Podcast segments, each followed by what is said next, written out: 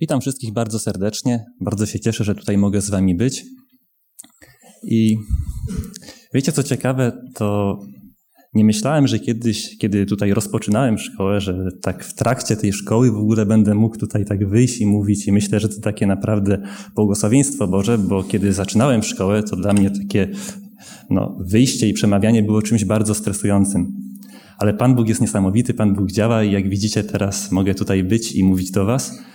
I, I dla mnie to, co jeszcze takiego w ogóle było niezwykłego, to dzisiejszy ten czas doświadczeń i refleksji, bo kilka dni temu, gdy siostra Małgosia do mnie dzwoniła, no to, bo prosiła, że ma coś ważnego do powiedzenia na ten czas, no i tak ten apel przekazałem jej, to nie myślałem, że Pan Bóg tak to ułoży, że ten apel będzie czymś takim bardzo zbieżnym z tym, o czym akurat dzisiaj będę mówił, bo my nie umawialiśmy się co do tego, o czym będzie mówione, a jednak ten temat jest bardzo bliski sobie.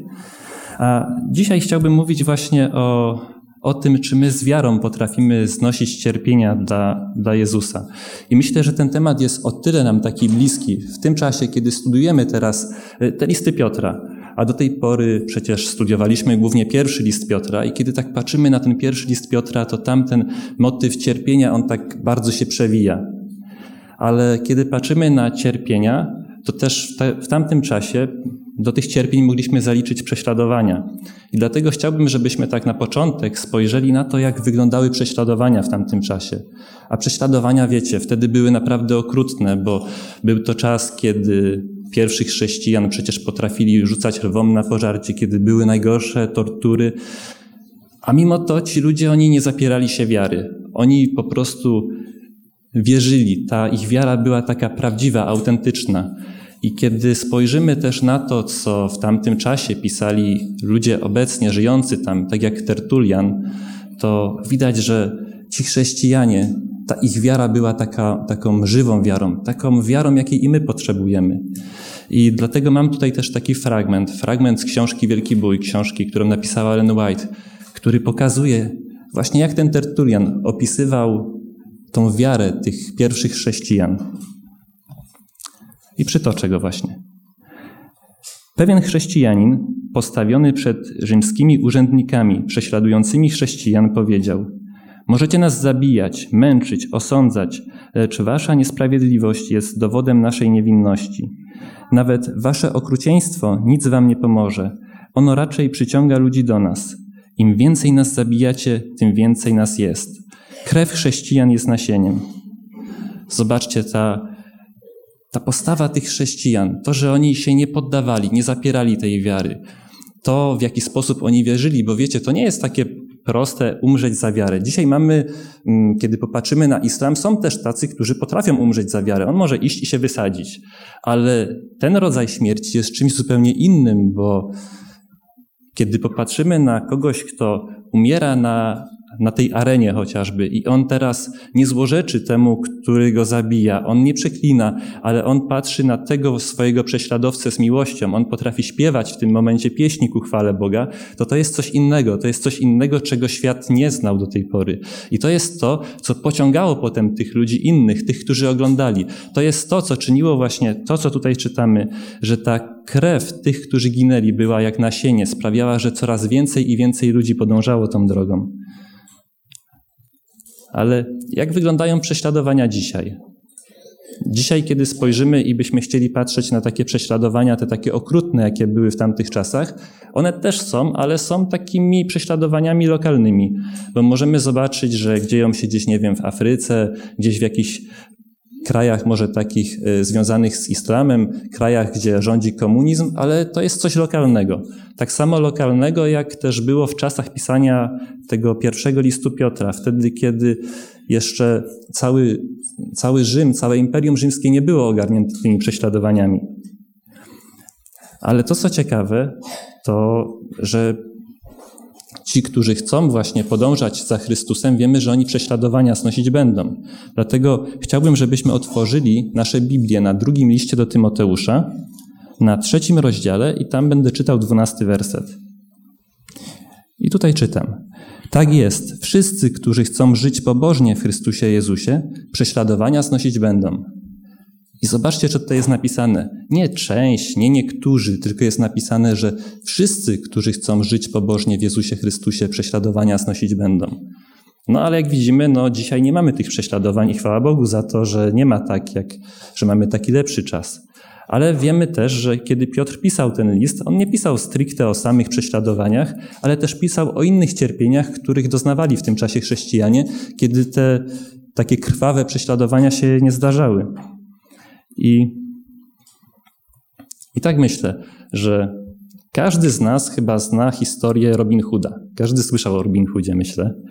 I kiedy popatrzymy na, na to, jaka to była postać, to była postać, która nie godziła się z jakąś niesprawiedliwością, nie godziła się na to, że są ludzie biedni, a z drugiej strony jest takie duże rozwarstwienie i są bogaci. I ten Robin Hood, co on okradał tych bogatych, żeby dać tym biednym. On po prostu tak nie mógł biernie na to patrzeć i chciał walczyć, chciał zmienić ten taki zły system, który był w danym czasie. Ale czy to jest właściwe? Nawet kiedybyśmy odjęli samo to, że on okradał, ale kiedy patrzymy na to, że on walczył z tym złym systemem, czy to jest coś, co, co popiera Słowo Boże? I kiedy na to spojrzymy, to moglibyśmy spojrzeć na odwrotny przykład, kiedy byśmy otwarli i poczytali historie dotyczące króla e, Saula i tego, w jaki sposób do niego zachowywał się Dawid.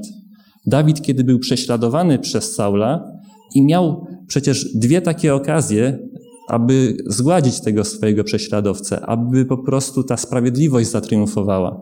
To on wtedy za każdym razem powiedział, że on po prostu nie może dopuścić do tego, aby ten pomazaniec Boży zginął z jego ręki. I Dawid przyjął taką pokorną postawę i tak zastanawiałem się, jak to jest, że on taką postawę przyjął. I kiedy czytałem ten list, pierwszy list Piotra, y, otwórzmy może pierwszy list Piotra teraz na drugim rozdziale, to tam taka postawa właśnie jest przekazywana przez Piotra. I widać to, że Pan Bóg się nie zmienia, tak jak ten człowiek, który był człowiekiem według serca Bożego w tamtym czasie się zachowywał, miał ten szacunek dla tego władcy, tego pomazańca Bożego, to coś podobnego przekazuje i Piotr. Właśnie w drugim rozdziale i trzynastym wersecie, gdzie mówi, bądźcie poddani wszelkiemu ludzkiemu porządkowi ze względu na Pana. Czy to królowi jako najwyższemu władcy, czy to namiestnikom jako przezeń wysłanym do karania złoczyńców, a udzielania pochwały tym, którzy dobrze czynią. I zobaczcie, czy to nie jest też taki element cierpienia, kiedy mamy poddać się władzy, władza, która przecież przynajmniej w czasach Piotra, czy ona była taka sprawiedliwa dla chrześcijan, czy ona wyznawała takie same wartości, jakie wyznawali chrześcijanie? No przecież nie. Przecież to była władza, która promowała wielobóstwo, kult cesarza, to była władza, gdzie też widzieliśmy jakieś niemoralne rzeczy, a mimo wszystko tam padają te słowa, że macie być tej władzy posłuszni. A dalej też czytamy chociażby o, o domownikach, y, tutaj w osiemnastym wersecie. Domownicy bądźcie poddani wszelką bojaźnią Panom, nie tylko dobrym i łagodnym, ale i przykrym. I kiedy byśmy popatrzyli, jaka idea jest przedstawiana w Biblii, to wiemy, że wszyscy między sobą jesteśmy równi. Przecież nie ma wyższych, lepszych, gorszych, wszyscy jesteśmy braćmi. A mimo to Piotr nie mówi, no wiecie, ten ustrój niewolniczy to to jest zły, teraz trzeba wystąpić, obalić ten ustrój, bo wiemy, jak to wszystko powinno wyglądać. Ale Piotr pokazuje zupełnie tą inną drogą, inną drogę. Pokazuje tą drogę takiej, takiej pokory. Bądźcie posłuszni tym, tym waszym panom i to, i to nie tylko tym panom, którzy są dla was łagodni i dobrzy, ale i tym panom, którzy są właśnie dla was takimi przykrymi, i zobaczcie, gdybyśmy to mieli przenieść na nasze współczesne czasy. No, dzisiaj nie mamy już na szczęście niewolnictwa. Dzisiaj, dzisiaj takim panem to mógłby być dla nas pracodawca. No i ten, kiedy ten pracodawca dla nas jest jakiś, no nie tak, nie fair z nami postępuje, no powiedzmy, że nie wiem, umawialiśmy się na coś, że coś będziemy robić, robić w ramach tego, że dodatkowo się staraliśmy ponad miarę, ma być za to jakaś podwyżka, jakiś awans, a ten pracodawca, no co, no, no nie dopełnia tego. Albo jakieś jeszcze inne dodatkowe rzeczy w pracy. I teraz moglibyśmy powiedzieć, że skoro on z nami postępuje nie fair, no to ja też będę z nim trochę postępował nie fair. Może jak on nie patrzy, to ja już nie będę tak aktywnie pracował, tylko tak będę bardziej się obijał. Ale nie, to nie taką, nie taką postawę powinniśmy przyjmować jako chrześcijanie. Jako chrześcijanin powinniśmy zawsze być fair wobec tego naszego pracodawcy, a A też tutaj jest wiele takich innych przykładów, bo mamy to, tak jak zaznaczyłem na początku, to posłuszeństwo władzy. My też dzisiaj moglibyśmy patrzeć, co jest w przypadku, kiedy, kiedy ja nie głosowałem za, za władzą, która obecnie jest. Czy to znaczy, że mam być jej nieposłuszny? Czy to znaczy, że, nie wiem, mogę na przykład oszukiwać na podatkach albo coś, bo, bo w zasadzie przecież wszyscy i tak kradną. No nie, zawsze my mamy być jako chrześcijanie fair. Tak samo, kiedybyśmy spojrzeli na, na temat właśnie uległości żony tutaj, co, co też Piotr podaje. W czasach, kiedy były takimi też no, złymi w porównaniu do tych dzisiejszych, no bo wtedy była taka duża zależność kobiety od mężczyzny. W czasach, które były bardziej takie niesprawiedliwe w stosunku do tego, jak dzisiaj patrzymy z naszej perspektywy, to tam, w tamtych czasach Piotr potrafi napisać kobiecie, że ona ma być jeszcze uległa. Mało tego, że i tak już musi być w tym całym ustroju, jakim, jakim żyła, bardziej poddana niż jest normalnie. I to jest ciekawe, że on nie mówi, że teraz ty walcz o tą sprawiedliwość, bo to przecież nie tak, nie tak to wygląda na ten sposób Boży, bo przecież kiedy czytamy Słowo Boże, to w innym miejscu możemy się dowiedzieć, że ulegajcie sobie nawzajem. Ale Piotr nie zmierza w tym kierunku, że my musimy sobie wywalczyć to, jak, jak ma wyglądać ta sprawiedliwość. Też w piątym e, rozdziale i piątym wersecie czytamy podobnie młodsi, bądźcie ulegli starszym. I tutaj też to moglibyśmy odnieść do naszych czasów współczesnych i spojrzeć na to, że nie wiem, no, jak ktoś już jest starszy, to on, nie wiem, może nie rozumie tego spojrzenia, jakie, jakie, współczesne, jakie współczesne czasy prezentują. Jak myślicie, czy ciężko jest cierpieć za dobre? Kiedy my robimy coś dobrego, a ktoś nam odpłaca złym? Ja myślę, że to wszystko zależy trochę od perspektywy, z jakiej spojrzymy na to. Ja pamiętam, jak byłem jeszcze takim nastolatkiem, zostawałem z moim młodszym rodzeństwem i no i co, musiałem się nimi zaopiekować, przy okazji też trzeba było dom posprzątać i tak dalej. I pamiętam, że no, nieraz zdarzyło się tak, że starałem się, wiecie, podkurzałem, pozmywałem, poukładałem wszystko, żeby było ładnie posprzątane na błysk, i no i co, po prostu usiadłem sobie, gdzieś coś czytam, mija z pół godziny dosłownie, wracają rodzice, ja taki dumny, że mnie teraz rodzice pochwalą, bo tutaj tak ładnie wysprzątane. No ale no jak się ma młodsze rodzeństwo, no to oni potrafią w kilka chwil tam, wiecie, coś dodatkowo nabroić i już nie jest tak ładnie posprzątane. No i w tym momencie wracają rodzice i mówią, no Tomek, no my tutaj na ciebie liczyliśmy, miało być posprzątane, a to jak tutaj bałagan czy coś. I wiecie, i to takie, takie dla mnie to wtedy było zawiedzenie. No, no jak? No ja przecież starałem się, posprzątałem, a tutaj nie ma pochwały, tylko jeszcze nagana. A to taka mała rzecz. A ile mamy takich rzeczy przecież w życiu na co dzień, gdzie tak możemy gorzej się poczuć. Wiecie, żona może ustrzykować piękny taki obiad dla męża, postarać się posprzątać, a on przyjdzie i nie doceni tego, co ma, tylko nie wiem, do, doczepi się do jej ubioru albo do czegoś innego, zawsze znajdzie, wiecie, jakąś taką dziurę w całym i i to są takie, takie małe cierpienia, które gdzieś spotykamy na co dzień. Ale w tych wszystkich tutaj takich cierpieniach, o których jest mowa, to jest jedna taka, myślę, bardzo ważna rzecz. To, że te wszystkie cierpienia, te wymagania, to gdzie powinniśmy być ulegli, czy to wobec władzy, czy to wobec pracodawcy, czy to, czy to nie wiem, wobec właśnie naszego współmałżonka, to wszędzie tam to nie może być sprzeczne ze Słowem Bożym. Bo przecież kiedy pracodawca będzie od nas wymagał na przykład, abyśmy przyszli do pracy w sabat, no to to jest oczywista rzecz, że no nie możemy się na coś takiego zgodzić. Mamy ulegać tam, gdzie to nie koliduje ze Słowem Bożym. I tak też czynili, zobaczcie, apostołowie, kiedy czytamy na początku, jak to było, kiedy y, Sanhedryn wymagał od nich tego, aby oni nie głosili Słowa Bożego, to co? Oni powiedzieli wyraźnie, trzeba bardziej słuchać Boga niż ludzi. I tutaj nie było co do tego wątpliwości. Ale to, co mnie też zastanawia, dlaczego oni nie spróbowali wywalczyć takiego sprawiedliwego ustroju u siebie w kraju. Ktoś powie, no ich była garstka, to nie mieliby szans, żeby wywalczyć coś takiego. Ale zobaczcie, że Pan Bóg nigdy nie patrzy na liczby, bo Pan Bóg w ogóle, kiedy byśmy patrzyli na starotestamentowy Izrael, na ten Izrael walczący, to tam no, Pan Bóg dał obietnicę. Mówi, że jeżeli jeden będzie ze mną, to pogoni tysiąc przed sobą, jeżeli dwóch, to dziesięć tysięcy. A ilekro, ilekroć była na przykład y, zagrożona Jerozolima, y, chociażby jak była wyprawa Sancheryba, y, mm, tam z Asyrii właśnie pod, pod Jerozolimę, tam przyszło bodajże pod 180 tysięcy wojska pod Jerozolimę. Oni nie mieli szans i wtedy wyszedł anioł pański i on pokonał te wojska. Więc myślę, że tutaj nie jest kwestia w sile. Myślę, że tym, co się zmieniło w chwili, kiedy przyszedł Jezus Chrystus, to pewne standardy zostały podniesione. Tak jak chociażby to, co powiedział Chrystus, że no, kiedy, nie wiem, popatrzymy porządliwie na kobietę, no to w tym momencie to już jest jako cudzołóstwo, a nie dopiero kiedy nastąpi typowo ten akt. I Chrystus też dał nam przykład takiej pokory, takiej nowej drogi, jaką mamy postępować. I same jego życie wtedy, kiedy chodził tutaj po ziemi, przez to też było dużo bardziej uciążliwe. Kiedy czytamy książkę Życie Jezusa, książkę, którą też napisał Ellen White, to tam możemy zobaczyć, ile, ile przez to było więcej trudu w jego życiu, że on właśnie taką pokorą się wykazywał. I mam tutaj taki fragment, który chciałbym przytoczyć. Jezus nigdy nie walczył o swoje prawa. Często obarczano go zbyt ciężką pracą, gdyż był zawsze chętny i nie skarżył się, ale i jemu nie obce było uczucie zniechęcenia. Żył poza obrębem ziemskich przykrości. Żył jak w świetle Bożej obecności. Gdy postępowano z nim brutalnie, nie odpłacał brutalnością, lecz znosił cierpliwie wszelkie obelgi.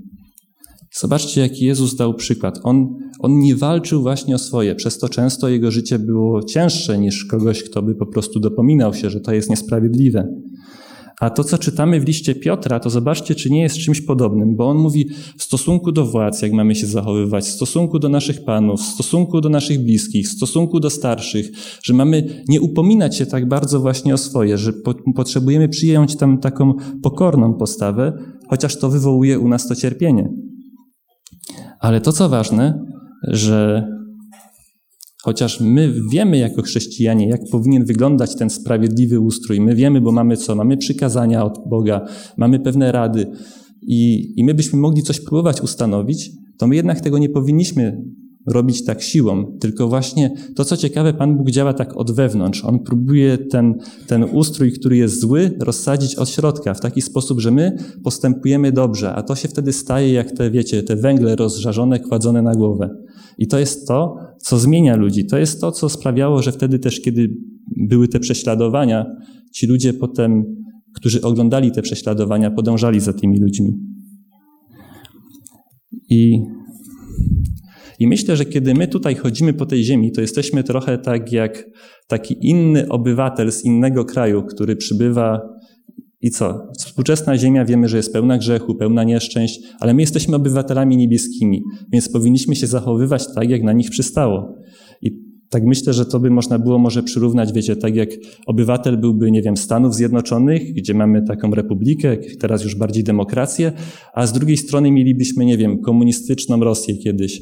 No i teraz, kiedy taki obywatel z Ameryki przybyłby do do właśnie do Rosji, to będzie prezentował sobą inne standardy. I my też tak samo chodząc tutaj, a mając już w przyszłości tą wizję tego, gdzie zmierzamy, powinniśmy zachowywać się w określony sposób. I to, co ważne jest, to abyśmy potrafili wytrwać w, ma w małym. I o tym możemy przeczytać w Ewangelii Łukasza. Otwórzmy Ewangelię Łukasza na 16 rozdziale. I tutaj dziesiąty werset. Kto jest wierny w najmniejszej sprawie i w wielkiej jest wierny, a kto w najmniejszej jest niesprawiedliwy i w wielkiej jest niesprawiedliwy.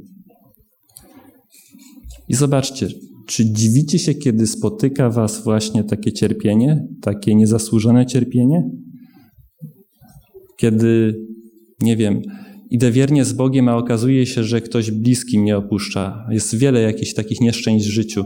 I potem możemy się dziwić, Panie, a dlaczego mnie to spotkało?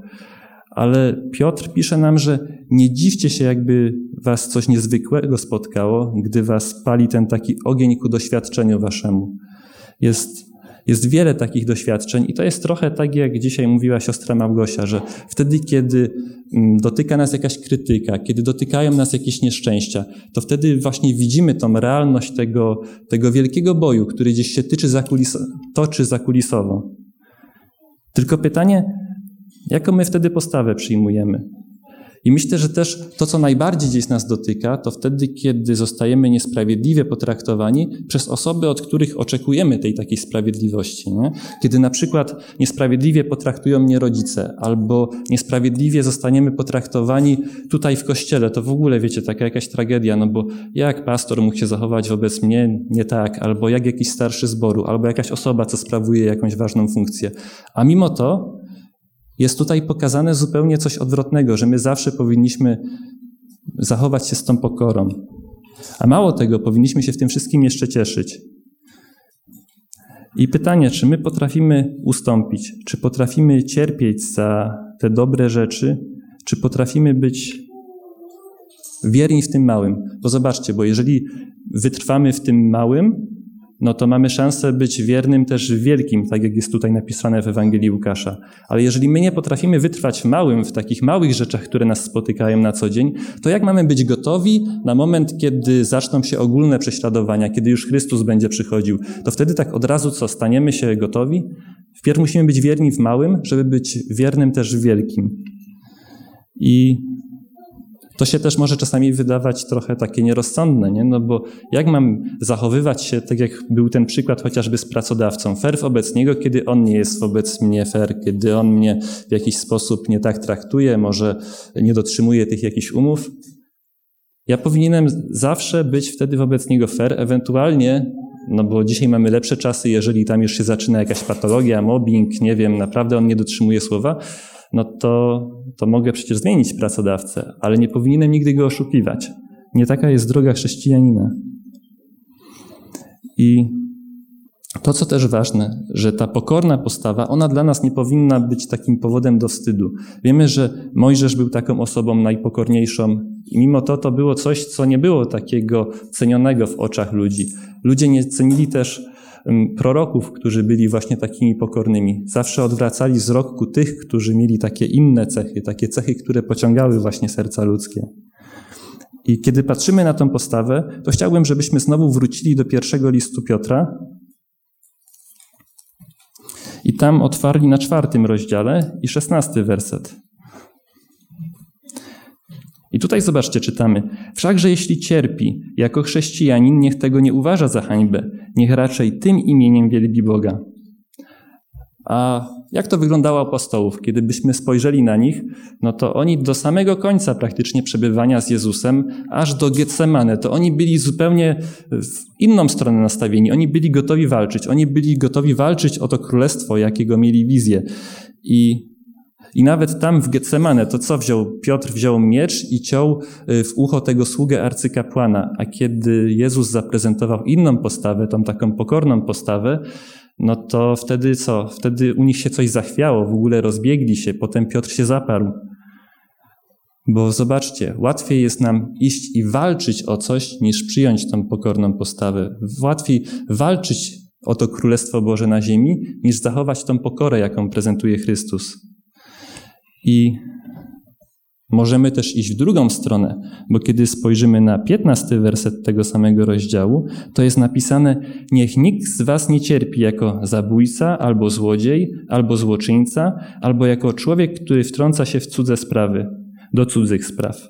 I to, co tutaj jest ciekawego, to zobaczcie, mamy takie skontrastowanie. Wpierw jest wymieniony zabójca i złodziej, dwie takie ewidentne postawy, które są karane nawet przez państwo, ale kiedy spojrzymy już na złoczyńcę, a szczególnie na tego, który wtrąca się w cudze sprawy, no to to są coś, co nie jest tak karane, może niezbyt mile widziane przez nas ludzi, ale, ale nie jest to tak bardzo napiętnowane.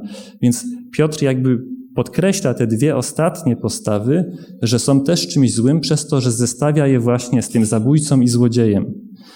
Ale tak zacząłem szukać trochę głębiej, co to w ogóle znaczy i sięgnąłem do języka greckiego właśnie, bo jak, jakie mają znaczenia właśnie te słowa. I to, co tam odkryłem, to wiecie co, kiedy Piotr pisał ten list, pierwszy list Piotra, to on użył takie bardzo bogate słownictwo, żeby doprecyzować to, co chciał przekazać, bo użył aż 62 takie słowa, które występują tylko jeden raz w Biblii i tylko występują u niego w liście. Tak jakby posłużył się specjalistycznym słownictwem, takim fachowym, żeby poka pokazać coś bardzo ważnego. I te słowa, one się nazywają wtedy hapax legomena. To są takie, które występują tylko raz. Ale to słowo, które odnosi się tutaj do tego, który wtrąca się do cudzych spraw, jest takim bardzo wyjątkowym, bo ono nie tylko występuje tylko jeden raz w Biblii, ale nie występuje nigdzie indziej w starożytnej literaturze. Ono najprawdopodobniej Piotr je utworzył sam. I to jest jakby tak zbitka dwóch słów, które normalnie istniały w tamtych czasach, po to, by przekazać coś bardzo ważnego. On utworzył specjalnie słowo po to, aby nam coś przekazać. Więc co znaczy to słowo, warto się zastanowić. I kiedy popatrzymy, co może oznaczać to mieszanie się w cudze sprawy i kiedy tak poszukamy po porozumieniu słownikowym, jakie mamy, to ono może oznaczać takie po prostu patrzenie zazdrosnym okiem na coś, co należy do innego. To jeszcze nie jest nic takiego niezwykłego, ale oznacza też mieszanie się do zakresu kompetencji innych ludzi, zbytnie interesowanie się ich osobistymi sprawami i takie posiadanie wręcz planu na życie kogoś. Kiedy ja wchodzę z butami w jego życie, ja bym chciał mu ułożyć, co on ma robić, a jak on ma wręcz wykonywać co, cokolwiek. I zobaczcie, my też jako no, ludzie tacy w kościele, też możemy wchodzić komuś za bardzo w życie z butami. To też może być nawiązanie tego, co dzisiaj siostra Małgosia mówiła, o tej nadmiernej krytyce. I kiedy my za bardzo mieszamy się do czyjegoś życia, to przed tym przestrzega nas tutaj apostoł Piotr. I jest to też mieszanie się w sprawy środowiska pogańskiego, taka nadmierna krytyka, która mogłaby stać się powodem właśnie złośliwych uwag i oskarżeń. Tak możemy też to słowo rozumieć. Czyli, a wiemy przecież, że ważne jest, w jaki sposób idziemy i głosimy Słowo Boże do innych ludzi.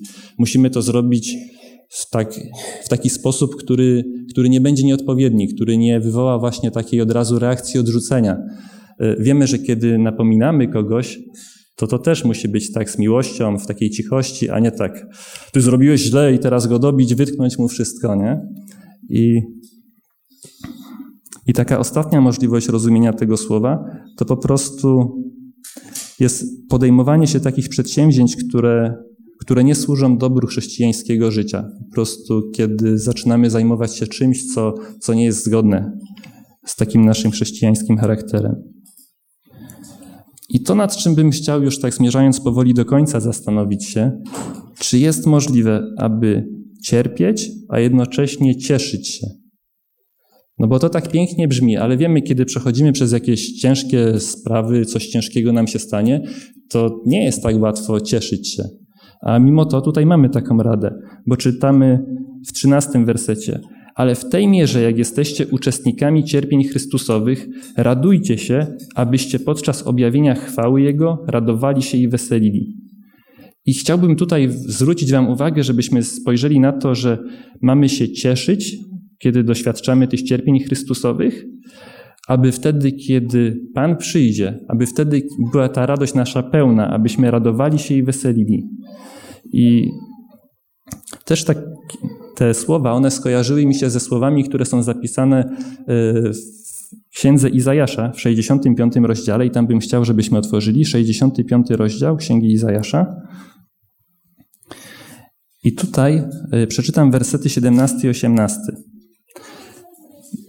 Oto ja stworzę nowe niebo i nową ziemię, i nie będzie się wspominało rzeczy dawnych, i nie przyjdą one na myśl nikomu, a raczej będą się radować i weselić po wszystkie czasy z tego, co ja stworzę, bo oto ja stworzę z Jeruzalemu wesele, a z jego ludu radość. I tutaj też padają te słowa radość i wesele, ale, ale właśnie, bo ja tak też zacząłem szukać i badać te słowa, jak one wyglądają. I zarówno tutaj w księdze Izajasza, jak i tam w liście Piotra te słowa właśnie radości i wesela, one padają w kontekście przyjścia naszego Pana. Ale te cierpienia, które znosimy na co dzień, są tylko taką radością. Więc patrzyłem, jak te słowa wyglądają, co można, co można o nich więcej powiedzieć. I dla takiego znoszenia tego cierpienia, które na co dzień znosimy, jeszcze teraz przed przyjściem Pana, to jest użyte słowo takie hajro po prostu, które oznacza taką, taką zwykłą radość, taki pokój w sercu, że mam. I odpowiednikiem tego jest takie słowo też sos hebrajskie, które tutaj jest użyte. Ale dla wyrażenia tej takiej radości, kiedy Pan przyjdzie, są użyte aż dwa słowa zestawione razem. Tamto jest to hajro i agaliao. I te słowa, one oznaczają, że kiedy są już razem, oznaczają taką radość, która się po prostu uzewnętrznia, taką, taką radość, wiecie, której nie możemy utrzymać. To jest taka radość jak u małego dziecka, że ona aż musi podskakiwać, nie się po prostu, bo eksploduje zaraz, ta, ta, taka ta radość jest pełna. I tutaj mamy pokazane, że w chwili, kiedy nasz Pan przyjdzie, to będziemy mieli nie tylko tą radość taką zwykłą, ten pokój w sercu, ale połączoną z tą taką radością, która aż po prostu nas rozrywa od środka. I i to jest właśnie ważne, że my mamy mieć tą taką zwykłą radość, tą, ten taki pokój w sercu, kiedy my patrzymy z tą wizją tego, że nasz Pan przychodzi. I kiedy mamy tą wizję, że nasz Pan przychodzi i to jest taki dzień, kiedy, kiedy ta radość nasza będzie pełna, to te cierpienia też zupełnie inaczej znosimy. I nie wiem, żeby wam to tak zobrazować, to czy jest ktoś, kto lubi, kiedy mu się, nie wiem, wierci w zębie po prostu, kiedy idzie do dentysty? Myślę, że nie ma takiego, co lubi to wiercenie.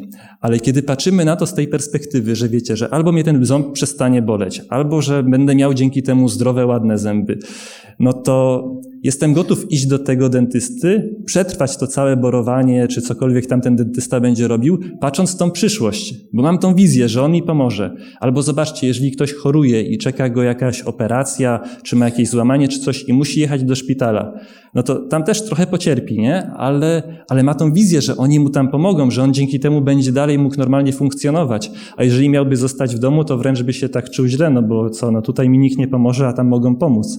Więc ma przed sobą cierpienia ta osoba, ale te cierpienia nie są dla niego takie straszne ze względu na tą wizję, która jest przed nim. Moglibyśmy spojrzeć też, nie wiem, w dzisiejszym świecie na panie, które chcą wyglądać pięknie, które poddają się różnym zabiegom. Zobaczcie, są jakieś nakuwania, które pomagają na zmarszczki. Są w ogóle, co mamy, operacje plastyczne. Sama operacja plastyczna przecież też po tym się cierpi, to boli w ogóle. Ale mimo to kiedy ta pani sobie myśli, jaka ja będę teraz piękna po tym, nie? No to ona jest gotowa poddać się tym, temu zabiegowi i mało tego grubo za to zapłacić, patrząc tylko na tą wizję tam do przodu. My jako chłopacy to też lubimy iść poćwiczyć na siłownię po to, żeby co ciało było zdrowe, wysportowane. Ja pamiętam jak kiedyś, jak zaczynałem ćwiczyć na siłowni, to się mówiło no pain, no gain, czyli po prostu no bez tego bólu nie ma tego właśnie tego zysku, tego efektu. I co? Poddajemy się takim różnym rzeczom, które nie są może dla nas wygodne, ze względu na to, jaką mamy wizję do przodu, na to, na to czego oczekujemy. I tak samo to się tyczy tego Królestwa Niebieskiego. Kiedybyśmy popatrzyli, tak myślę, na Hioba. Hiob to jest taki obraz takich naprawdę cierpień, ile ten człowiek przeszedł w życiu, ile jego, jego w ogóle doświadczyło. I zobaczcie, on przeszedł przez te cierpienia, nie złorzecząc Bogu, tak jak go żona właśnie namawiała, ale, ale wytrwał. I tak sobie myślę, jak to jest, że on w takich cierpieniach wytrwał. I myślę, że odpowiedzią na to jest to, co jest zapisane w Księdze Hioba w 19 rozdziale i 25 wersecie. Bo tam możemy zobaczyć, że Hiob, on miał, on miał pewność zbawienia po prostu, bo on w tym wersecie mówi tak. Lecz ja wiem, że odkupiciel mój żyje i że jako ostatni nad prochem stanie. On wiedział, że ma Zbawiciela i on miał tą wizję właśnie, dokąd on zmierza, że, że on będzie zbawiony. Gdyby on tego nie miał, gdyby nie miał jakiejś nadziei, to przecież te jego cierpienia to byłoby coś, co by go pewnie wtedy zgniotło. Ale on wiedział, w jakim kierunku idzie. I tak samo, jak jest z nami? Czy my mamy pewność zbawienia? Bo kiedy nie mamy tej pewności zbawienia, to zaczyna się problem bo wtedy te cierpienia są czymś, co nas może zgnieść, no bo wtedy, wtedy nie mamy tej wizji, dokąd my zmierzamy, nie mamy tej pewności, że to Królestwo Niebieskie jest przed nami. A wiemy przecież, że zbawienie jest z łaski. I tylko pytanie, co się staje, jeżeli ja na przykład zgrzeszę, kiedy upadnę? Czy to znaczy, że wtedy tracę to zbawienie? No bo przecież wiemy, że Bóg jest wierny i kiedy do Niego przychodzimy, kiedy żałujemy, kiedy wyznajemy nasze grzechy, no to Bóg nam przebaczy. I tak myślę, że to, co jest ważne, to żebyśmy zwrócili uwagę na to, że my sami z siebie nie możemy nic dołożyć do tego zbawienia. My nie możemy zrobić nic naszymi uczynkami więcej, abyśmy byli zbawieni, bo bo te uczynki to wypływają już z tego chodzenia z Chrystusem. I myślę, że jest tak często, że kiedy nawracamy się i kiedy zdarzają nam się jakieś upadki i my dalej żałujemy za ten grzech, ale ten grzech się powtarza, to jest to coś takiego, kiedy szatan może nas zaatakować i próbować zgnieść i pokazuje, że słuchaj, ale ty jesteś taki nędzny, taki jesteś grzesznik, takiej w ogóle nadziei dla ciebie nie ma, ty, to, to, to zbawienie dla ciebie jest takie odległe.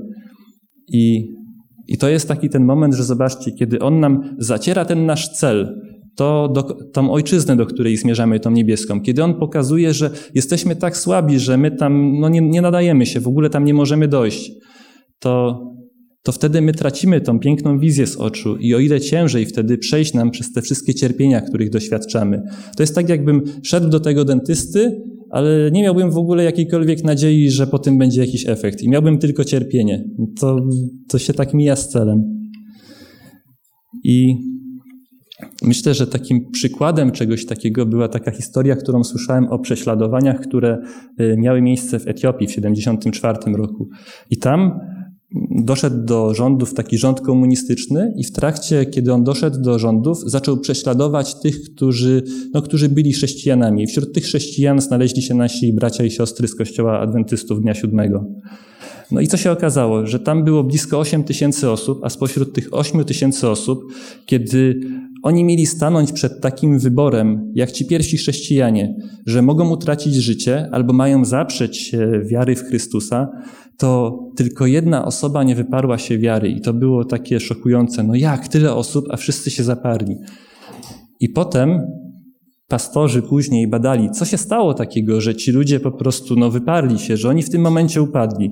I okazało się, że w tym momencie oni po prostu nie czuli tej pewności zbawienia. Oni czuli się po prostu zbyt grzeszni, zbyt słabymi ludźmi i to prowadziło do tego, że oni woleli jakby to odłożyć w czasie, no bo mówili, no nie wiem, no minie dzisiaj, dzisiaj się zaprę, ale jeszcze jest przyszłość, jeszcze mogę się udoskonalić, mogę być lepszy. Ale cała ta rzecz jest w tym, że to nie my się udoskonalamy, bo przecież zbawienie, jak mówiłem wcześniej, ono jest z łaski.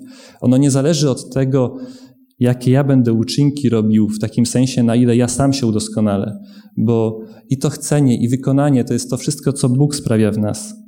Bo czy my potrafimy samymi takimi się stać, kiedy mówimy tutaj o tych cierpieniach, byśmy my sami z siebie po prostu potrafili się cieszyć teraz z tego, co nas złe dotyka? Wtedy, kiedy nas ktoś prześladuje albo coś. Bo myślę, że to nie jest kwestia nas samych, że to jest, to jest dar, który otrzymujemy od Boga. I to jest przede wszystkim kwestia przebywania z Chrystusem na co dzień, bo kiedy my z Nim przebywamy, to to jest coś, co nas zmienia. Bo zobaczcie, kiedy my oczekujemy tego nowego Królestwa Sprawiedliwości, gdzie nie będzie już płaczu, nie będzie już łez, nie będzie tam tego niezadowolenia, tego miejsca, gdzie ta nasza radość będzie taka pełna, jak mówiłem. Nie ten taki pokój tylko w sercu, ale ta taka eksplodująca radość, taka, która nas po prostu wypełnia. I tam też będzie przecież nasz Pan i Zbawiciel. Kiedy mamy taki cel przed oczyma, kiedy tak rozpoczynamy każdy dzień rano, kiedy od rana przebywamy z Chrystusem, to wtedy, kiedy patrzymy na to wszystko, co dzieje się w życiu, kiedy doświadczamy tych cierpień, kiedy doświadczamy tego niesprawiedliwego traktowania, ale mamy tą wizję, dokąd idziemy, to jest nam dużo łatwiej przez to przejść. Tak samo jak w tym zwykłym życiu, przechodzić przez te małe cierpienia, jak nie wiem, mówiłem o dentyście, o siłowni, o operacjach, bo, bo my wiemy, dokąd zmierzamy i mamy tą pewność. I i tego właśnie bym chciał Wam życzyć i sobie, abyśmy, mając tą wizję, tam dążyli i żebyśmy spotkali się potem właśnie tam i aby ta radość nasza była taka pełna i zupełna. Amen.